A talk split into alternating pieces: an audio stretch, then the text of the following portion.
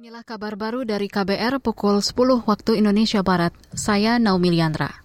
Presiden Joko Widodo meminta semua pihak terlibat dalam upaya penanganan masalah polusi udara di kawasan Jakarta dan sekitarnya. Menurut Jokowi, berbagai upaya harus dilakukan secara menyeluruh dari peralihan penggunaan kendaraan pribadi ke transportasi umum hingga penanaman pohon secara besar-besaran.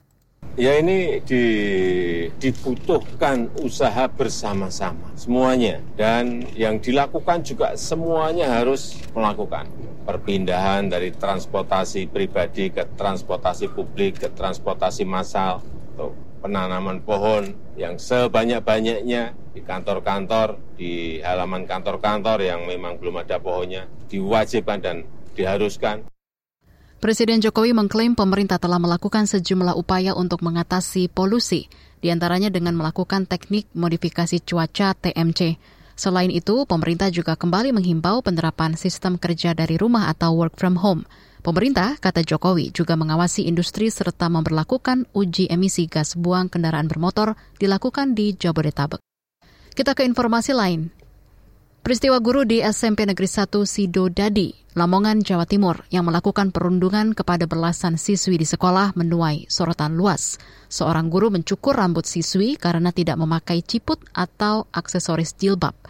Psikolog sekaligus pendamping korban Iva Hanifah Misbah mengatakan jalur damai yang ditempuh sekolah dianggap mengabaikan kepentingan anak. Padahal hal tersebut masuk kategori perundungan atau bullying kenapa damai itu kesannya kan konotasinya baik ya, tapi justru itu tidak memberikan korban apalagi anak-anak kita, anak-anak perempuan hak atas keadilan gitu karena langkah berdamai ini itu merugikan anak karena mereka masih trauma melihat pelakunya tetap berada di sekolah. Mereka masih kecil tetapi merasa diperlakukan sewenang-wenang gitu ya dan mereka dipaksa untuk merasakan sekaligus melihat ketidakadilan.